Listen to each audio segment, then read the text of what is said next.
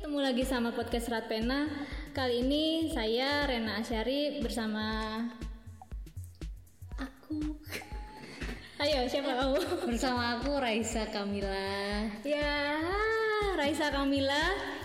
Eh, kita akan ngobrol tentang nomaden.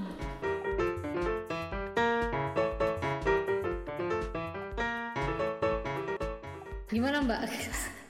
Sa, kamu kan eh baru di Bandung ya?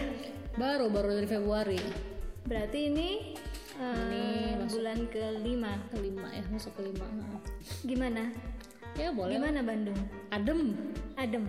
Mungkin karena aku di utara ya. Dulu di mana sebelumnya? Sebelum pertama di waktu di Bandung itu tinggal di Kopo di rumah keluarga suami. Eh, agak beda sih dengan Bandung yang aku lihat di TV ya. Terus eh, kemudian aku nyari tempat yang mirip di TV. Eh, Yang mana adalah Geger Kalong. oh, mirip di TV ya? ya kayak ada suasana santri gitu. Sebelum dari Bandung, kamu tinggal di mana, Sa?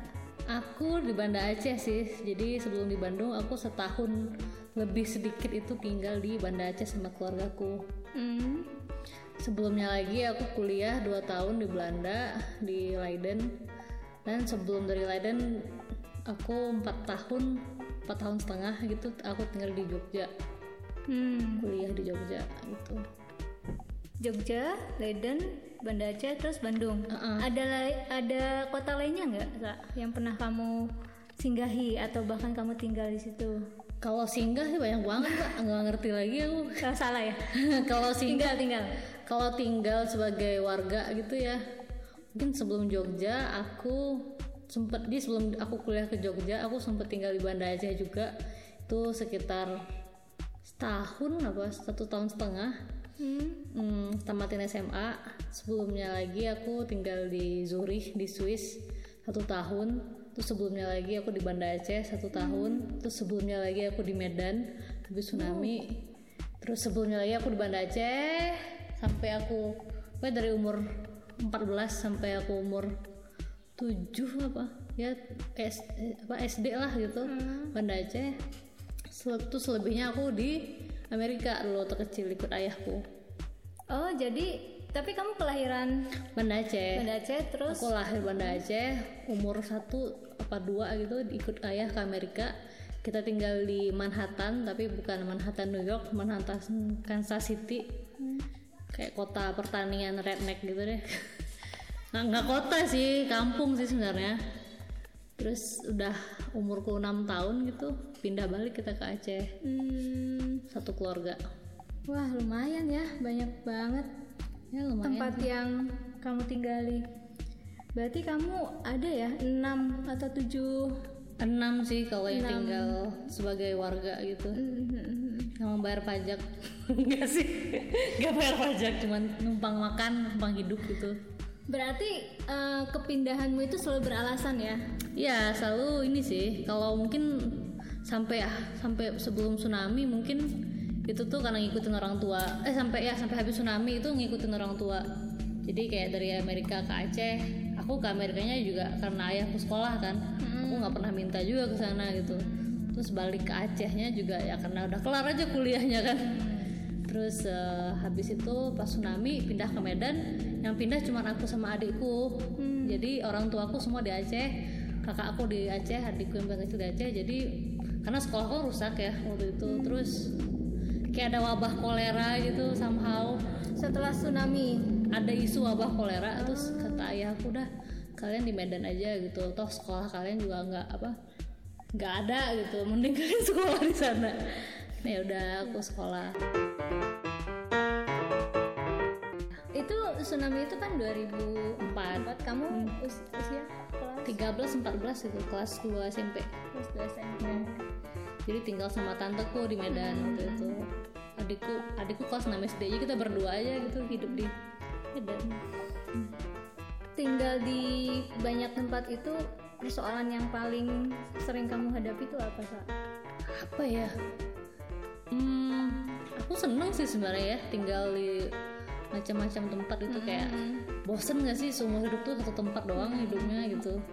Cuman memang ada persoalannya tuh mungkin lebih ke ini ya kayak kita tuh waktu awal-awal adaptasi gitu kayak dan aku tuh orang yang pelan banget adaptasinya. Jadi kayak aku observe orang tuh bicara gimana terus makan terus untuk ke sana kemari tuh gimana terus eh, apa sih yang apa yang kalau di tempat ini yang nggak boleh disinggung apa itu norma-norma lah gitu. Itu tuh yang kan nggak ada buku ya gitu, kayak panduan hidup di Medan gitu. Kan nggak ada ya jadi jadi emang harus kita bikin sa. Kayaknya kamu harus bikin sa. Maksudnya saya harus mencoba ini ya.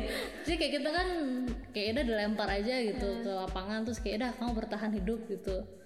Terus kayak waktu aku dulu ke Swiss juga nggak aku kan dulu internet nggak seajaib sekarang ya. Terus aku masih 17 tahun sendirian ke sana bayanginnya Swiss ya udah penghasil coklat gitu. Ah. Ya ternyata ya nggak cuma coklat sih ada macam-macam ada bigot gitu gitu jadi kayak eh, apa kayak ya udah eksperimen itu tuh yang trial error dengan kehidupan tuh kayak eh capek gitu. Hmm. jadi harus harus adaptatif banget ya. Adaptatif dan itu kayak maksudnya kayak aku pelan aja sih kayaknya memproses banyak hal. Jadi udah enam bulan baru ngerasa oh begini gitu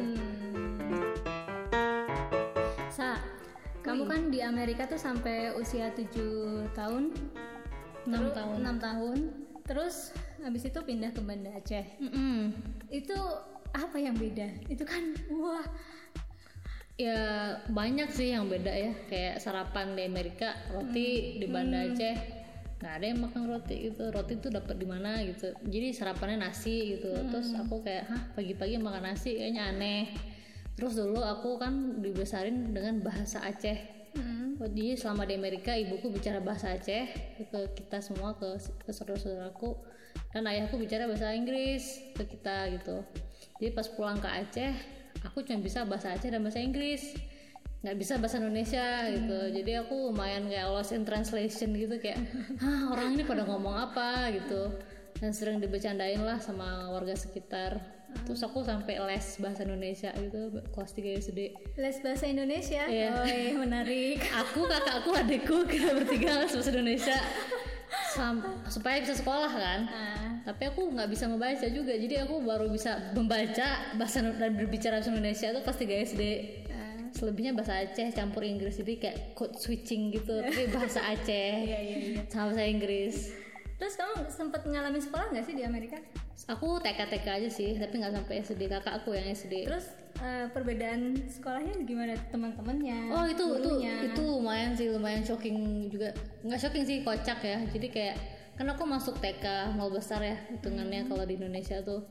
Jadi waktu di Amerika dulu kalau kita playgroup TK ya udah datang main gitu kayak ada ruangan ada banyak mainan ada benteng ada Barbie ada segala macem. Ya udah main aja sampai bego gitu kan. Terus nanti paling diajak ngumpul sama gurunya terus kayak ada semacam show and tell gitu. Kayak saya bawa mainan nih gitu. Ke apa ke sekolah terus ceritain mainan itu. Jadi kayak memang dilatih percaya diri sih kalau aku ngeliatnya sekarang. Nah waktu aku TK di Banda Aceh eh, TK-nya tuh deket rumah terus aku kan dulu di Amerika TK tuh nggak pakai seragam baju bebas. Jadi waktu ke Banda Aceh TK-nya berseragam dong. Terus aku di, di Amerika zonasi nggak? Enggak juta zonasi sih malah. Oh, zonasi karena kan ke mana-mana jauh kan dan nggak ada public transport. Nah di Banda Aceh aku hari pertama masuk TK pakai seragam aku kayak ah ini baju jelek banget apaan sih? Gitu kan. Aku mau pakai baju princessku gitu terus terus datang ke sekolah. Kan kita salam bu guru kan? Ya aku nggak pernah mengalami idea salam cium tangan itu tuh nggak pernah. Jadi kayak ah, ngapain aku cium cium tangan? Terus eh, apa ditanya kan sama bu gurunya tadi sarapan apa? Gitu. Pakai eh, nasi eh nanyanya ini makan nasi pakai apa? Gitu. Hmm. aku kayak hah aku nggak makan nasi pagi-pagi? Come on. Gitu kan. So asik banget. Terus aku kayak diem aja kayak apaan sih? So akrab gitu terus di kan ruangan TK itu kan kelas itu ada bangku warna-warni gitu. Nggak ada mainan kan? Hmm. mainannya malah di luar perosotan Iya, iya. ayunan. Oh di di Amerika nggak begitu? ada ada gitu. Cuman itu playground itu bukan sekolah. Oh, jadi itu taman bermain. iya, iya, iya. nah. Tapi di area sekolah nggak ada? Seingatku waktu aku TK mungkin karena musim dingin ya kita lebih banyak di dalam ruangan. Nah jadi waktu itu aku ngerasa yang kayak lu mau main di luar rame gitu. udah aku di kelasnya nunggu. Karena aku nggak ngerti harus ngapain kan. Terus tiba-tiba dipanggil baris berbaris. Aku nggak ini apa? Aku disuruh berbaris. Jadi kamu sempat mengalami TK di dua iya dua ini dua budaya yang sangat berbeda ya. ya yang satunya kayak udah bebas aja terserah mau ngapain kamu main menjadi gitu. dirimu gitu. Iya bebas kayak nggak peduli apa apa nggak ada aturan nggak ada seragam terus tiba-tiba TK di tempat di Banda Aceh kayak pulangnya dianterin terus ya gitu gitulah ajaib lah Kamu melewati masa-masa TK sampai SD di Aceh aman-aman aja kan sa? Sebenarnya sih Aman-aman aja. sebenarnya sih kalau sebagai bocah ya aku bahagia aja gitu kayak ya punya apa akhirnya punya temen gitu cuman memang apa Banda apa Acehnya sendiri sih nggak aman ya waktu itu aku kan itu tahun 97 98 99 Iya. 2000 itu tuh apa uh, turbulence banget di Aceh.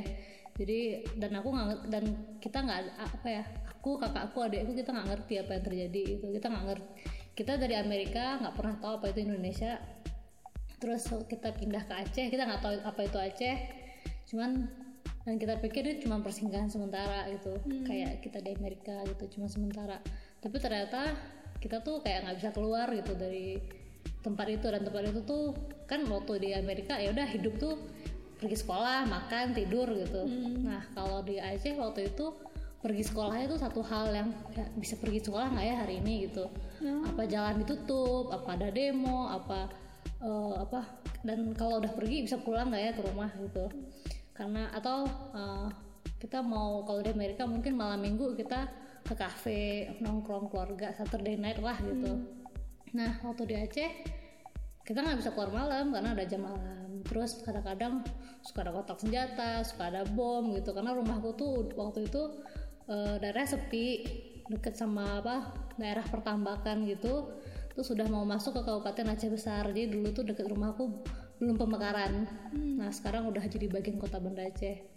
Dan gak ada tetangga jadi tuh sepi banget. Dan apa eh, ayahku dulu dia apa sempet di LSM eh, LSM ngurusin apa eh, pelanggaran HAM gitu. Jadi dia selalu di lapangan. Nah kita di rumah ya cuma berlima. Aku ibuku adikku kakak kakakku kan. Jadi eh, ya udah kita tuh apa ya kayak malamnya kotak senjata besok pagi pergi sekolah gitu. Terus kadang-kadang malamnya ada orang datang ke rumah nggak apa kita nggak kenal nyari ayahku misalnya terus besok pagi kita harus baik-baik saja ke sekolah gitu dan itu tuh on repeat terus-terusan dan apa ya kayak nggak jelas aja sih gitu rasa-rasanya waktu itu.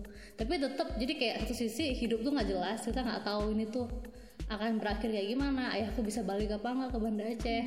Tapi kita tetap harus sekolah gitu. Aku misalnya lihat TV gitu. Lihat eh, apa sih kering-kering olala gitu tralala trilili gitu kan Nah, cewek-cewek yang aneh Iya, aku ngerasa kayak anjir enak banget sih kehidupan di Jakarta gitu. Lihat Messi lagi bernyanyi di TMI gitu kan. Cilukba gitu ya. Cilukba gitu gitu. Saya kayak kok kayak gitu tuh nggak ada di sini. Saya kayak aku tuh waktu di Amerika pernah ke Disney, pernah ke NASA gitu-gitu. Aku ngerasa kok di tempatku tuh bahkan untuk beli baju yang gambar Mickey Mouse aja tuh nggak tahu beli di mana gitu. Jadi aku tuh punya udah punya apa ya, udah punya satu kayak bukan standar sih tapi kayak satu gaya hidup gitu Maaf.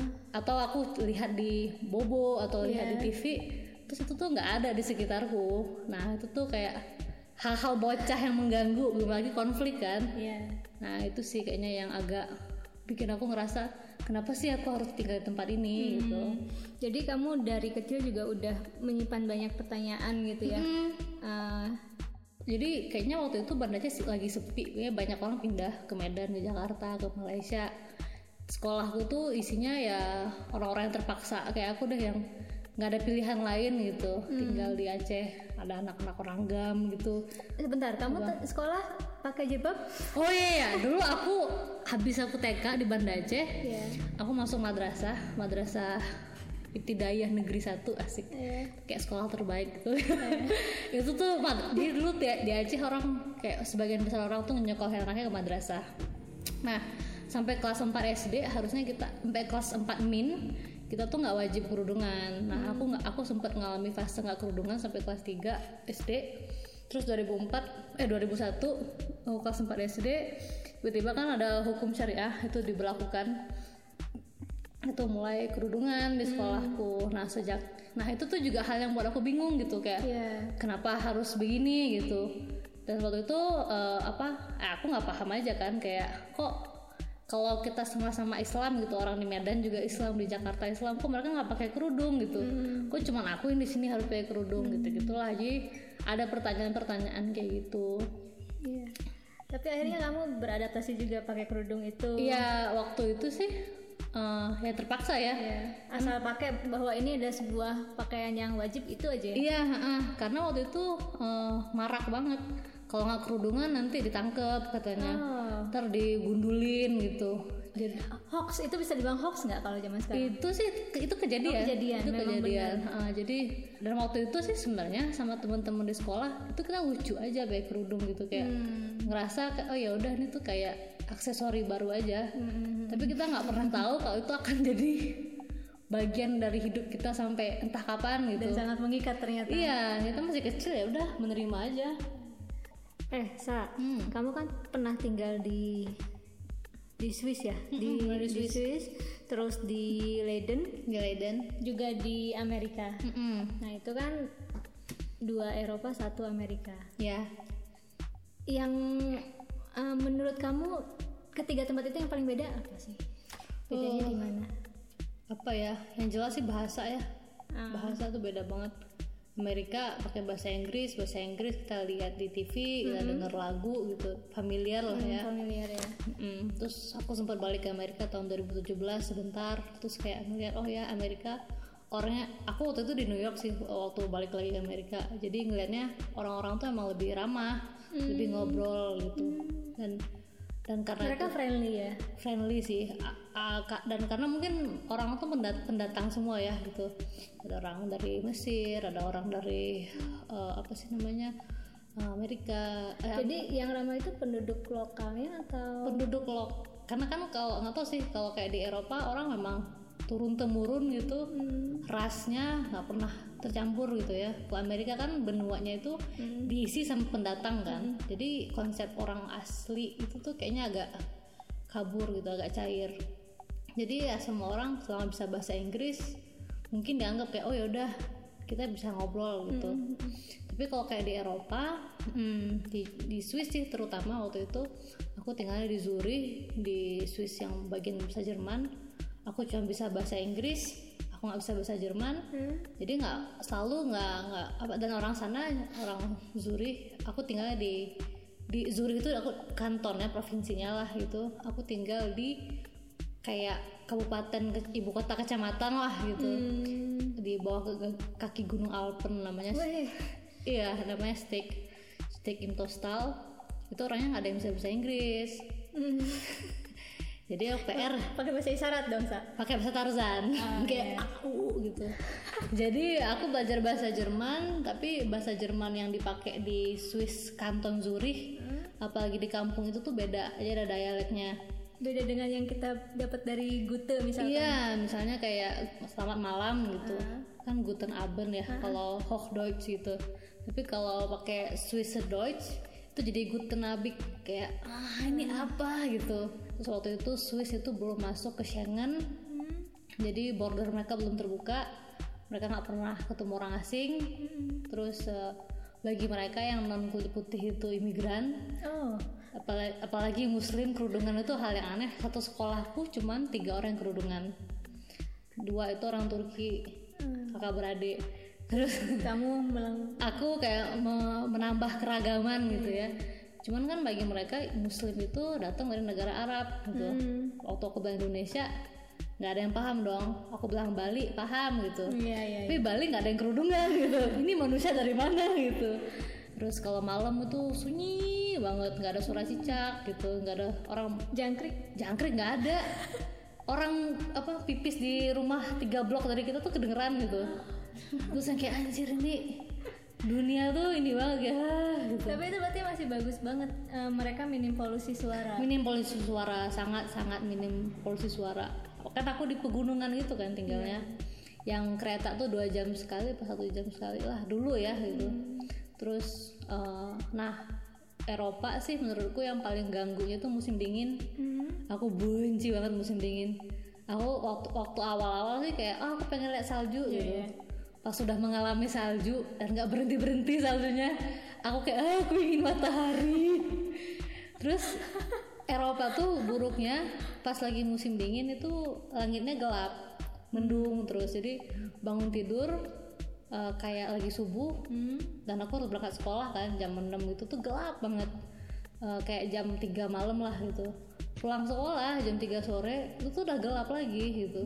Jam-jam 4 udah gelap jadi tuh bawaannya tuh murung depresi kurang vitamin D gitu kan dari cahaya matahari jadi tuh pikirannya ke mana-mana Depresi ya. depresi depresi banget Musim salju. musim Iya, eh, suasananya sih. Iya. Terus belum lagi aku susah berteman. Jadi kalau teman-teman di Swiss dulu tuh kena anak SMA ya gitu. Anak SMA ngegeng. Hmm. Terus mereka hanya mau ngegeng sama orang yang nyambung gitu. Untuk bisa nyambung ya harus ngerti bahasa kan pertama. Jadi kadang-kadang tuh ada fase aku harus makan di kamar mandi gitu. Wah. Karena karena mereka tuh gak mau ngasih kursi gitu. Kalau olahraga kan ganti baju buka kerudung kan mereka semua kayak pegang-pegang rambutku. Oh my god ini rambut ini rambut dia ini rambut dia gitu. Aku kayak ini kamu botak gitu gitu. Terus aku yang kayak ya wes lah sakarepmu gitu. Kayak ya udah saya pasrah gitu. Dan apa ya itu sih menurutku hmm, aku sih pas aku sempat balik lagi ke Swiss tahun 2015 aku balik lagi ke Swiss. 2015 atau 16 itu. 2015 aku balik ke Swiss. Eh, tujuh tahun kemudian lah ya dari 2007 ya dari 2007 2015 balik lagi. Terus tempatnya nggak terlalu banyak berubah sih. Aku ke sekolah aku juga hmm, apa ketemu keluarga angkarku. Eh, mereka apa daerah tempat tinggalku dulu tuh jadi daerah turis sekarang jadi karena kan itu kan deket Gunung Alpen. Hmm. terus apa kayak tetangga-tetangga yang dulu tuh barter roti barter susu itu udah nggak ada. Terus toko-toko roti yang dulu aku cuma satu toko roti itu satu kah satu kecamatan itu. Dan tutupnya jam 5 tuh udah nggak ada lagi. Terus mulai ada kafe-kafe. Mulai ada lah gitu eh, apa orang asing. Orang-orang berbeda lah gitu. Itu Swiss sih. Kalau Belanda aku ke sananya tuh pas udah Udah gede ya. udah gede gitu udah udah master lah udah S2 udah. Dan udah punya banyak dapat gambaran tentang Iya. Belanda ya. udah dapat gambaran tentang Belanda. Terus kayaknya Belanda dan Indonesia juga lebih deket ya hubungannya ya. Jadi kalau kita bilang saya dari Indonesia mereka tuh bisa bilang oh ya gitu. Saya tahu gitu di mana Indonesia. Eh, dan bisa lebih ngobrol sih eh, enaknya kalau di Belanda. Belanda enak sih gitu secara umum gitu ada makanan Indonesia. Saya kayak aku Kayak tuh rumah. kayak kayak kayak rumah sih. Walaupun juga musim dinginnya aku gak kuat gitu. Apa angin sih kalau di di Belanda tuh nggak ada sal- salju jarang gitu. Terus enak air tuh kelihatan di mana-mana kan kanal. Hmm. jadi aku kayaknya lebih cocok ngeliat air daripada ngeliat gunung gitu. Karena di Swiss aku liat gunung aku kayak apaan ini nggak bisa aku naiki ini capek. Karena aku pemalas sih orangnya. Gitu kan kayak ya beda sih beda beda Terus kalau sekarang di Bandung gimana rasanya? Bandung dingin sih, tapi dinginnya tuh nggak menyiksa gitu. Dinginnya bisa aku nikmati. Jadi waktu tinggal di Bandung malah senang. Cuman ya ternyata kan Bandung nggak cuman di utara aja kan. Itu tuh jadi pengetahuan baru sih. Aku kayak oh Bandung ada barat, timur, selatan, dan itu tuh jauh-jauh. Ya. Kalau kayak Jogja kan semua serba deket ya rasanya. Serba 10 menit ya. Ah, aku tuh di, di Jogja 4 tahun sepedaan nggak nggak berasa gitu kayak ya semua deket gitu. Cuman waktu di Bandung, ah tidak mungkin ini terjadi. Oke, Raisa. Yeah.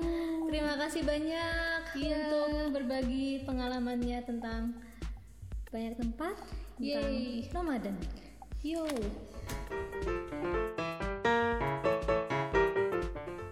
Kamu punya tempat yang dituju lagi nggak? Wow, sebenarnya sih aku apa habis nikah ini itu tuh emang prinsipku udah ke mana angin membawa aja sih kayak di mana ada rezeki di situ saya kejar gitu. jadi ya apa? Karena aku nggak punya pekerjaan tetap kan, jadi aku, apa? Aku sebenarnya seneng tidak terikat dengan apa pun gitu sekarang. Jadi tahun ini mungkin aku akan di Bandung, tahun depan aku nggak tahu di mana gitu. Eh, nggak nargetin juga sih harus ke mana Kamu ada nggak saran atau tips dari kamu untuk teman-teman serat pena tips apa nih Eh, untuk pergi keluar apa yang harus ditanamkan dari awal gitu? apa ya jangan pernah punya apa keterikatan terhadap benda gitu. Eh, itu tuh penting tuh. jadi kayak apa kayak Iya, itu penting. Sepakat sa. banget ya? Iya aku nggak pernah punya mobil nggak pernah punya motor gitu. Semua barang yang Apalagi kalau misalkan punya rumah KPR gitu. ya jangan. Kalau anda ingin hidup nomaden jangan punya cicilan KPR punya tabungan nggak apa-apa gitu ya. Cuman kalau benda yang attach gitu kayak ya kayak gitulah mobil rumah segala macam bahkan tuh kayak aku ya di rumah yang aku Bandung sekarang pun lemari tuh lemari portable gitu lemari pakaian. Terus eh, apa tuh namanya eh, pokoknya barang-barang yang aku beli itu tuh semua bayangin bayangannya adalah ini antara ditinggal atau dibawa gitu. Oke Raisa, makasih banyak untuk berbagi pengalamannya. Semoga memberi banyak informasi untuk teman-teman serat pena. Iya, terima Sampai kasih. ketemu lagi di lain waktu ya. Iya, makasih Mbak Rena.